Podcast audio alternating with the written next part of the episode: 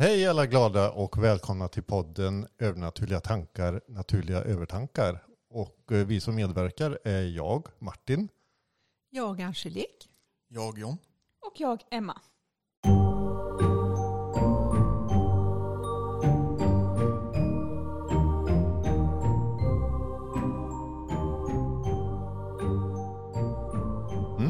Ja, vilken skulle vi börja med? Hjärndöd. Eller mig? ja, vad tycker du om hjärndöd? Ja, det är ju avslappnansvärre. ja. Nej, men den relaterar ju nu till eh, den skådespelerskan som eh, gick bort. Vart Ja. gick hon? Andra sidan. Vad heter hon? Mm. Heter hon? Ja, Anne Hesh heter Anne hon. Hesh, ja. Hon blev 53 år. Mm. Mm. Och vi börjar komma i en fundering Mm. eller diskussion i när lämnar själen kroppen? Mm. Och det var det du undrar John. Ja. Att varför ska han inte ha lämnat om han är hjärndöd? Mm. Ja. Det är intressant. Och jag, jag har den inställningen att själen lämnar kroppen när kroppen är död.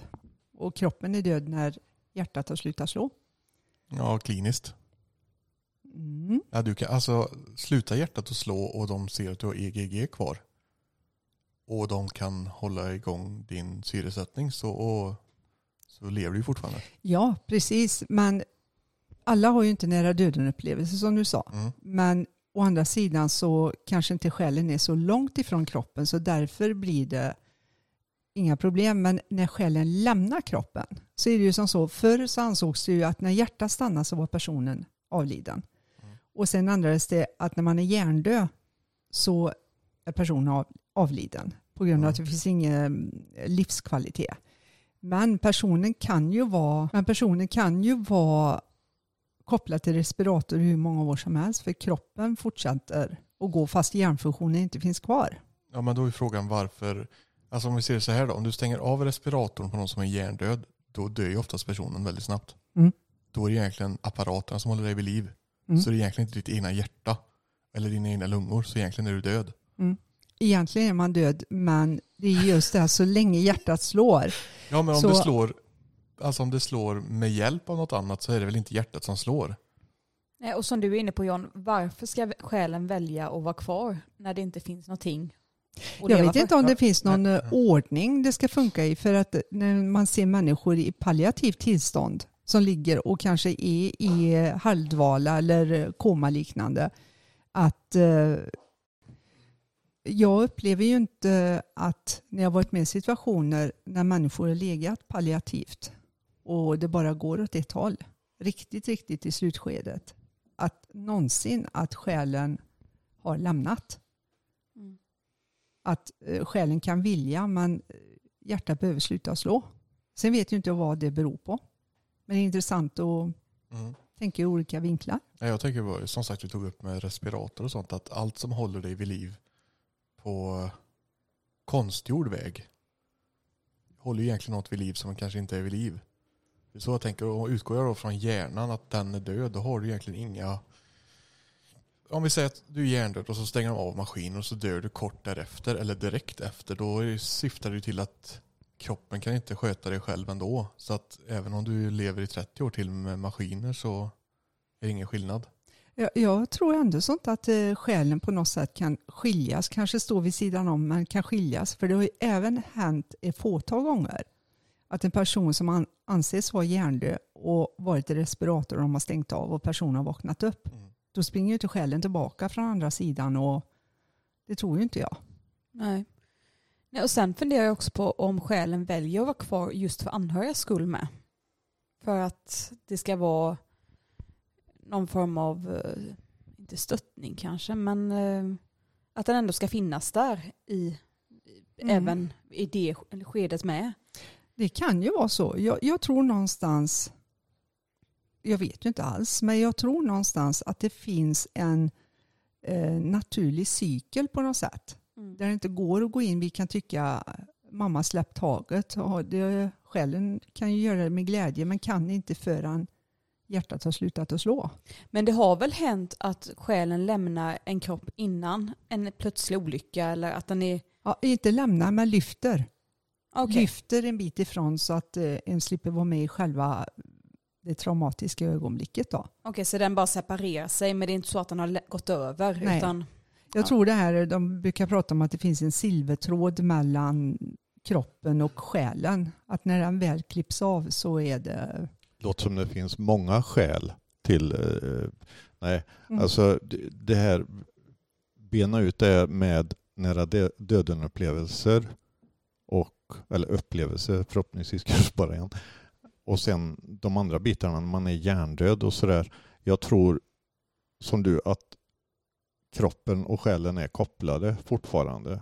Eh, på ett sätt, men inte nödvändigtvis av att själen befinner sig i kroppen hela tiden. Nej, det, den kan ju vara bredvid eller jag vet inte alls. Men på något sätt så har jag inte sett någon gång, för man tycker ur mänskligt perspektiv, när någon kanske ligger och är döende och de anhöriga sitter en 10-11 dagar mm, och väntar bara på att hjärtat ska lägga av.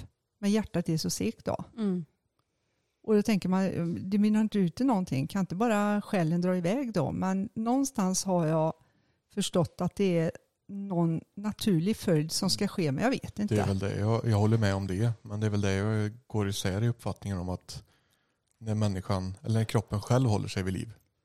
Mm. Än att det är något konstgjort som håller människan vid liv. ja Mm. precis. Det är så jag tänker att då, då förstör du egentligen det naturliga. Om hjärtat vill sluta slå och du inte ska andas mer, så att du är hjärndöd. Och någonting håller igång både cirkulation och syresättning. Mm. Så att var, var går gränsen där? Ja, det är Alltså väldigt, måste, den, måste, måste hjärtat sluta slå definitivt eller måste det sluta slå naturligt?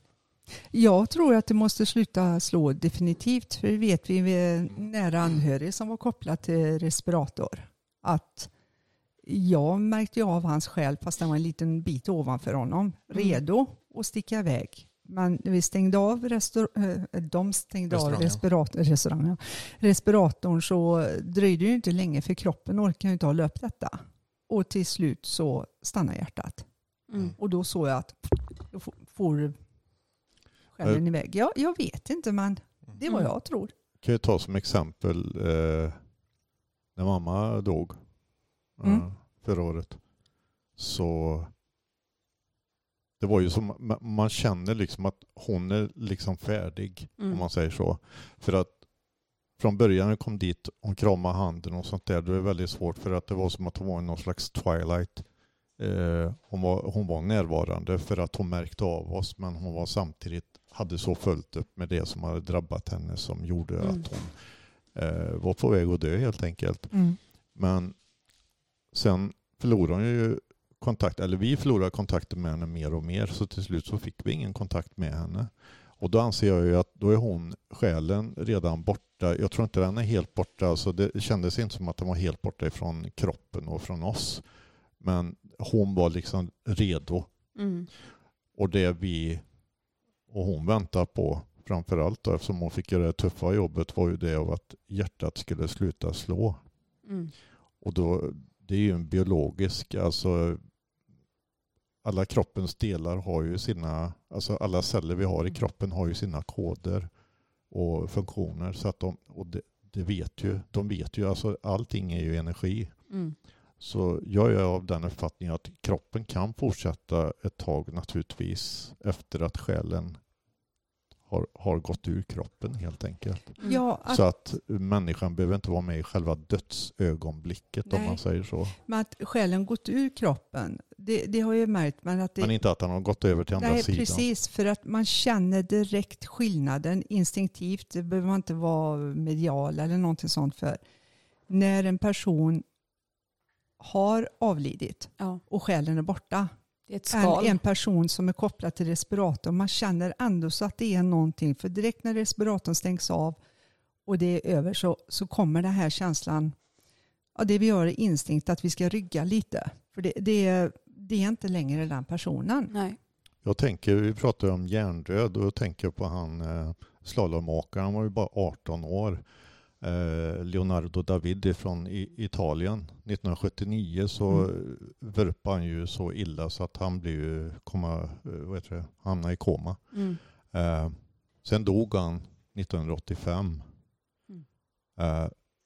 Så att, och de, de gjorde ju allt. De tog honom till USA, Ryssland, eh, överallt. Försökte få, eh, ja, få tillbaka honom helt enkelt. Mm.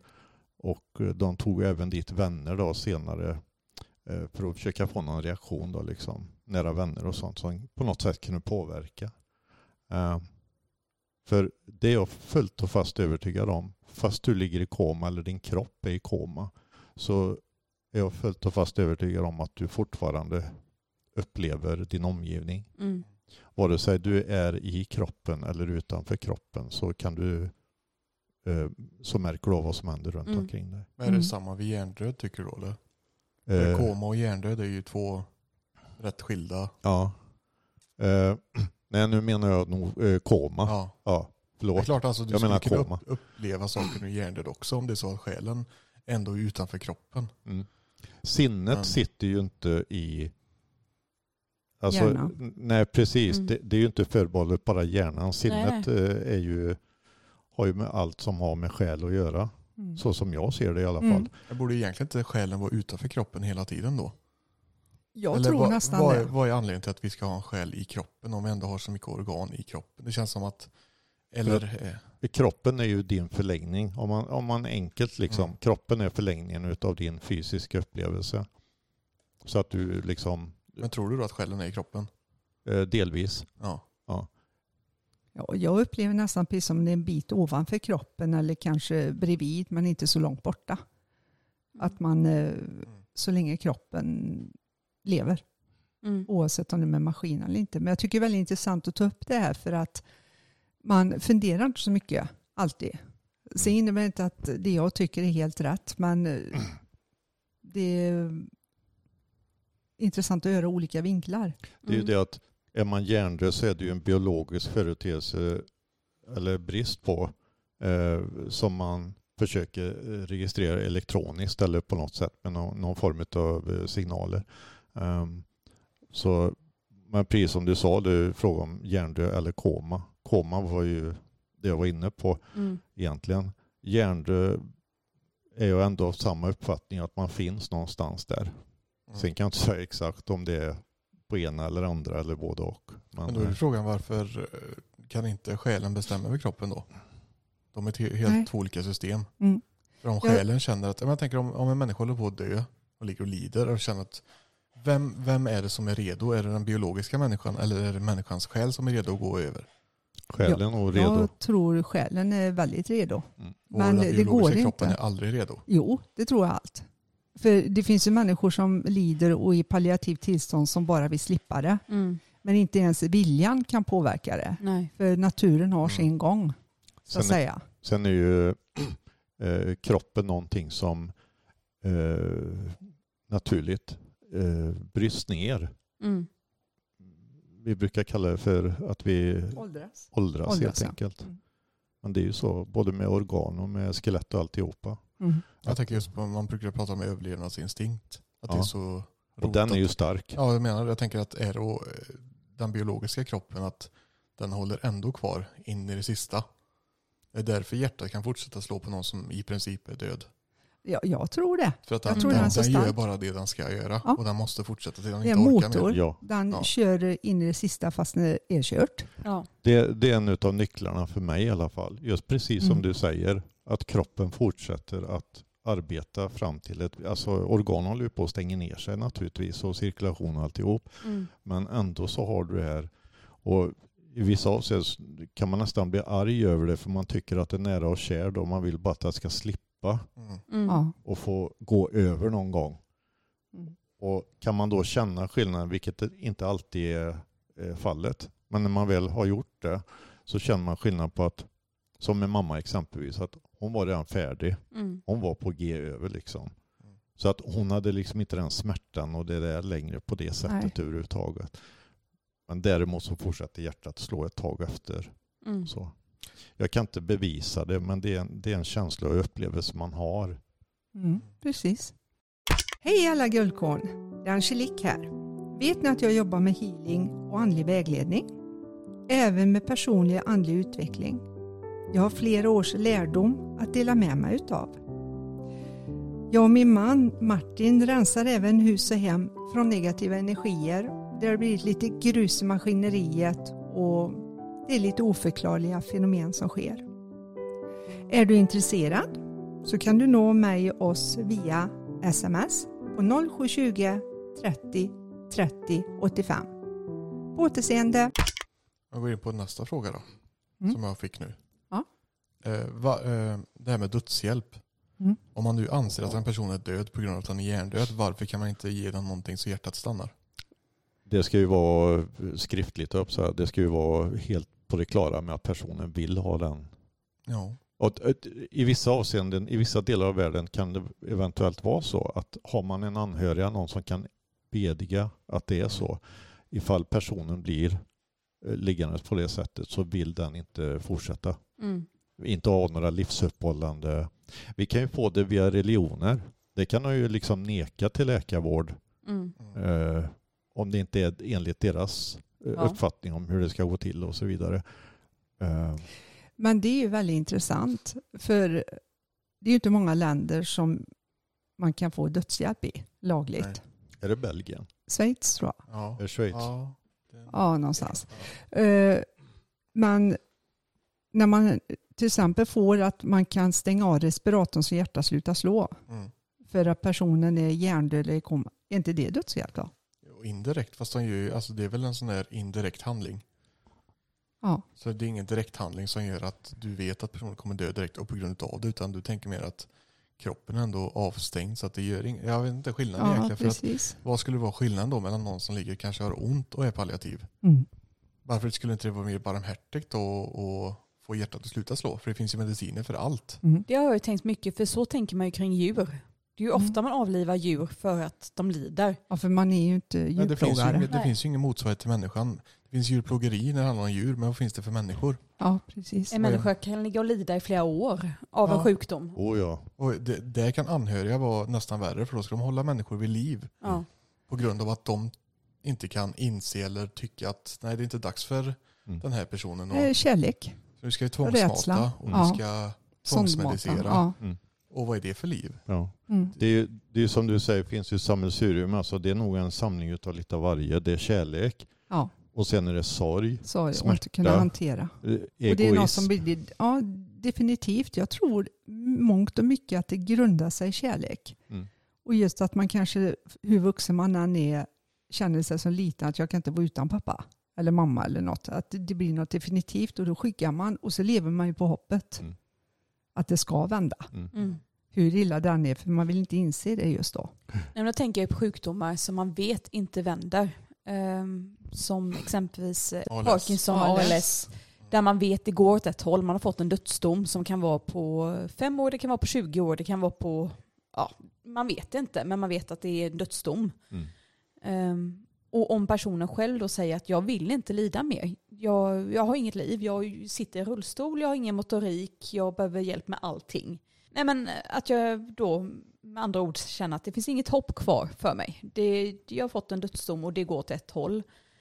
Ehm, och jag kan tycka då att man väljer att ta ett sådant beslut för djur. Att nu lider du mer, det finns ingen kvalitet för dig kvar.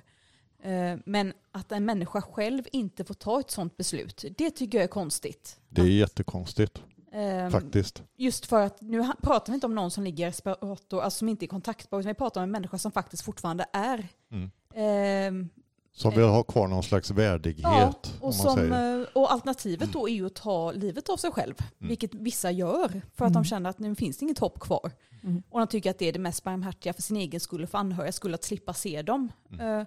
Eh, Men det finns ju en viss skuld och skam kring det som vi har pratat om i tidigare Mm. avsnitt. Precis. Och jag kan tycka det är så hemskt då att man inte får hjälpen då från... eh, tänk om du inte skulle lyckas. det kanske blir ännu Tänk värre. om du alltså Ja. försöker avsluta Att det är dig själv. under ordnade så- former istället. Ja, och så Ja. händer något så att du blir ännu sämre. Och det är ju Ja. mycket mindre lidande under ordnade former. Att man bara får Ja. somna in. Jag tänker, för vi har ju så många rättigheter som människor i världen. Mm. Ja, för i demokratiska länder i alla fall. Det är åsiktsfrihet och vi har rätt att tänka och uttrycka oss. Och, Mm. Men när det kommer till en sån grej som ditt eget liv, då är det som att nej. Mm. Det får du inte välja själv. Det är när du dör, när kroppen lägger av. Ja, Annars Ja. gör vi inget om du inte åker till Schweiz då. Ja. För Att det, är så, det låter så gammalmodigt. Mm. Jag, jag tycker eh, själv personligen att jag vill välja. Ja, Jag vill välja. Och då Men kan det det vara jag en tänker, ja, skulle jag få den sjukdomen så ska jag välja att avsluta. Det kanske jag inte alls gör. nej. Jag kanske har världens kämpaglöd och håller på in i det sista. Så man vet aldrig för man är i en situation. Men jag tycker ta respekt till människans önskan och det är utom all tvivel Mm. att det är någon buffalobåg eller att det är någon psykisk sjukdom som ligger bakom till det Mm. här beslutet. Så Nej, jag säger ju inte att eh, alla med ALS lika väl kan gå och dö, för det var ju inte alls så jag menade. Jag menar ju bara att, man att ska man få faktiskt får ha välja. valet. Ja, Att man måste få lov att ha valet själv. Sen kan jag ju förstå att det blir svårt och vilka ska ha valet och varför och vilka. Alltså, är, Jo. du, är du bara lite, säg att du är deprimerad och har varit deprimerad i 30 år, då kan jag gärna ja, det, det, ja, Alltså, det har du enligt, rätt i. enligt, enligt dem så kanske det är att jag har inget liv kvar ändå, men enligt andra så att det, det är ju inget... Det är ju inte lätt. Nej. Det är inte. Men jag tänker på det 92 när mamma var döende och hade otroliga smärtor. På den tiden så gav man ju smärtlindring morfin Mm. via klockslag. Mm. Och hon led ju alla helvetes kval alltså en, en och en halv timme innan nästa spruta. Mm. Och då, då sa jag snälla ge henne mer. Och då sa han till mig, ja men då får hon överdos. Och då sa jag och? Men det fick de inte. Nu är det mycket bättre Ja. att man ger efter behov. Ja. Men det, det var ju grymt. Hon sa det själv alltså. Att hade jag orkat så hade jag slängt mig ut genom fönstret. Vi var på femte våningen. Mm. För att det var så olidligt smärtsamt. Då. Men anledningen varför de har ändrat idag är ju för att de har ju märkt att en kropp klarar så mycket högre doser när den är smärtpåverkad Precis. och lider. Så det har ju egentligen inte att göra med att det ska vara mer, ja det är ju mer barmhärtigt, men det har ju egentligen mer att göra med att okej, vi har ryggen fri, vi kan ge mer och det drabbar inte den enskilde. Mm. Ja, och sen det, var det ju den läkaren då. Han sa ju det att hans händer var bakbundna. Ja, För han var tvungen att följa ja. att det ges i tid. Eh, olika tidpunkter. Och Då. det ser jag ju mer då som ett tecken på att man vill följa protokoll för att man inte sen ska kunna få eh, emot sig att du har, det var ditt fel att personen dog. Eller att det, eh, och ja, det förstår jag med, för byråkrati är ju starkt. Eh, men Det tycker jag är så fascinerande. Just det där för att här, här har vi alltså läkare som I guess, de gör ju allt för att försöka hjälpa människor. ja, Det, det, ju, det hoppas man ju och tror att de gör. Eh, men, och så ligger de ju i framkant också. För jag menar, de aktualis, aktualiserar ju saker och, ting inom eh, medicin och läkarvård hela tiden. Mm. Och det är olika, allt ifrån teorier tills att de får eh, något bevis på att det funkar och allt det där. Och samtidigt så blir det byråkrati och kan till och med bli en politisk fråga. Mm. Det blir en brännande fråga om någonting som gäller en människa som på fullaste allvar känner av att jag vill inte fortsätta så här. mm, Jag, det kommer bara gå åt ett håll för mig. Och vi menar ju inte att förespråka eh, att folk ska dö eller ta, ta livet av sig. nej, nej. Men att de kan få den aktiva hjälpen när de ändå känner av att jag kommer bli en grönsak. Mm, Någonting kommer fortsätta hända med mig som bara går åt ett håll. mm. Och det är, inge, det är ingen vacker syn längre. Men tror du inte att det ligger så i grund och botten att det är så svårt att avgöra? Jo men det är ju det, för att då kommer ju de här som egentligen inte, som inte jobbar med grejerna, kommer in. Politiker, Mm. byråkrater går in och lägger sig i och börjar tycka till och, och alltså då, tappar du ju Mm. andemeningen med vad, vad det är frågan om egentligen. Ja, för det, det de egentligen säger då är att du har du är inte dina sinnes fulla bruk att ta det här beslutet. Mm. Ehm, för jag tänker då om man säger någon som är klin, kliniskt deprimerad och varit det i 30-40 år. eh, den då har inte rätt att ta ett beslut kring sitt liv för att den har en psykisk sjukdom i botten. Och då, då tolkar jag det ju som att då är den personen mindre värd i sin egen fria vilja för att den har en annan problematik. Så det, det blir väldigt svårt kan jag tycka att vem är det som ska säga att du har rätt att leva och du måste leva? Mm. Att, Det är väl det att depression och psykiska sjukdomar har oftast en... Det kanske inte går att bota alla, men de är inte dödliga. nej, det är det precis. Mer än om du är självmordsbenägen då. Så det är väl där skillnaden dras. Att din fysiska kropp kan du inte bestämma över på samma sätt som psyket. Mm. Men Du nu bestämmer få- de ju över fysiska Jag med. tänker du kan inte få KBT mot eh, Alzheimers. Nej. Så jag tänker just att det är där det blir så svårt då. Ska vi låta någon som varit deprimerad i 30 år ta det valet och gör de det utifrån sig själva eller utifrån sin sjukdom? Mm. Alltså Ja, vilken del av psyket är det som bestämmer det? Ja, nej, jag, Det bann man inte lätt. nej, nej, nej, jag bara ponerar nu för jag säger inte att jag sitter på rätt eller fel svar utan mest bara jag Det tycker är det är därför det har blivit så mycket problem. För de vet inte hur man ska, vad, vilka regler gäller. Mm. Mm. Vem bestämmer? Ja. Olika det- åsikter och det som jag tycker är rätt kanske inte du tycker är Nej. rätt. Och, Mm. och då låter man det vara istället. Ja. Ja. Mm. Ja. Men eh, svart på vitt kan jag ju säga att personligen tycker jag ju att de som känner av att det går bara åt ett håll och jag vill dö med värdighet.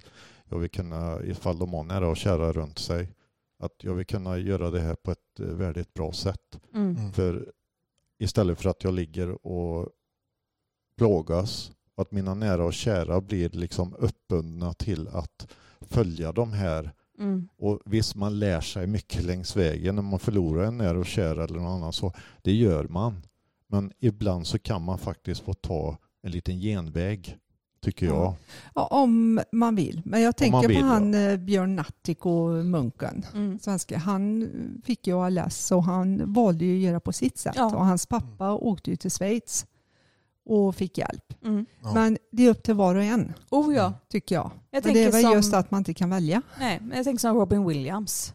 Ja, precis. Han valde ju att avsluta sitt liv. Ja, Ehm, och det är upp till var och Ja. en. Och det var, eh, det var inget han gjorde med glädje, men han såg ju ingen utväg. Nej. Det fanns ju inget botemedel. Det gick bara åt ett håll. Han hade Ja. redan börjat att få eh, yttringar Symptom. och symptom utav Mm. det han, han hade. Och den demensen är brutal. Väldigt brutal. nej, så att det är väl det vi summa summarum är att man Borde tillägga att Rob, sitt... ursäkta, Ja. Robin Williams, vi pratar alltså om skådespelare om det är någon som inte känner till. Ja. En fantastisk människa och underbar eh, skådespelare. Ja. Mm. Nej men summa summarum är ju helt enkelt vi alla förespråkar fria viljan. Det är väl det som... Och Precis. då kan man välja vilket som. Ja. Mm. Mm. Ja, det är väldigt intressant. Mm. Man börjar fundera på saker och ting. Ja.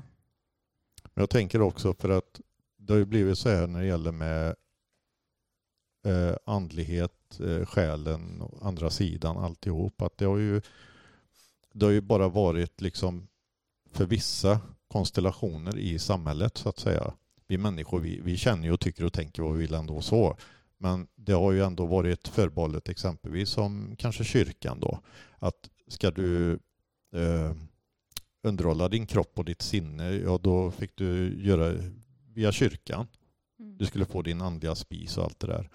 Ehm, och det, det är ju så mycket mer. Mm. Eh, så att frågan är om vi möter en svårighet där i också naturligtvis. Och när det gäller med vetenskapen ställs emot Alltså att det ställs emot varandra. Människor Mm. behöver inte ens avse att det ska ställas emot varandra. Men att kan du inte se det, kan du inte ta på det sådär, ja då existerar det inte. Då går vi inte på den linjen överhuvudtaget. Och Mm. samtidigt så ber vi människor att de ska hålla kvar sitt hopp och sin tro och sin vilja och sin önskan. Men eh, det kan vi inte ta på. Nej. Det har ju alltid varit eh, lite svårt mellan vetenskap och tro, Ja, religion. Mm. för att, Men, ja, Ja. ursäkta. På medeltiden så var det ju så att eh, vidskepelse och sånt som inte tillhörde kristendomen då, då var det vidskepelse. I modern tid så kan man likställa det ganska mycket i mångt och mycket med vetenskapen. Eller med, ja, ja, För att det som eh, går utanför forskningen så att säga eh, eller vetenskapen det räknar man som eh, vidskepelse. vidskepelse. Inte, ja. inte alla gör det inte. Nej, men- nej, nej. I det stora det- hela Ja, så. det är ju precis som eh, healing till exempel. Det går ju under kvacksalverilagen. Mm. Och det gjorde faktiskt akupunktur förut också. Mm. Och 1984 så accepterades akupunktur som eh, smärtlindring eller eh, ångestdämpande och sånt. Men Mm. det var först mitten av 90-talet som vi började se det på BB och hos sjukgymnaster och sånt då. Mm. Så att, eh, och kvacksalveri ligger ju precis som att det är som en myt. Mm. Så att vi har fortfarande det i våra tid, Ja, ja. att det går under. Det som var, eh, var fascinerande för, för en annan just när det gäller med akupunktur. Eh, det är ju det att det här är ju någonting som är använt i, i flera tusen år i Oh, Asien. ja, ja, ja. ja. eh, och som uppenbarligen fungerar väldigt bra. Ja, ja, det fungerar jättebra. Mm. Så det intressanta är att det blir accepterat om det vetenskapligt bevisas lite att Mm. det fyller en funktion. Då. Och sen vilka viljor och krafter som ligger bakom. Mm. Ja, det var lite blandat idag med. Mm. Ja, Vi kan kalla det hjärndött eller så var det intressant. Det är Ja, vilket. Precis. Men då rundar vi av. Tack för oss. Tack, tack. Hej då. Hej. Hej då.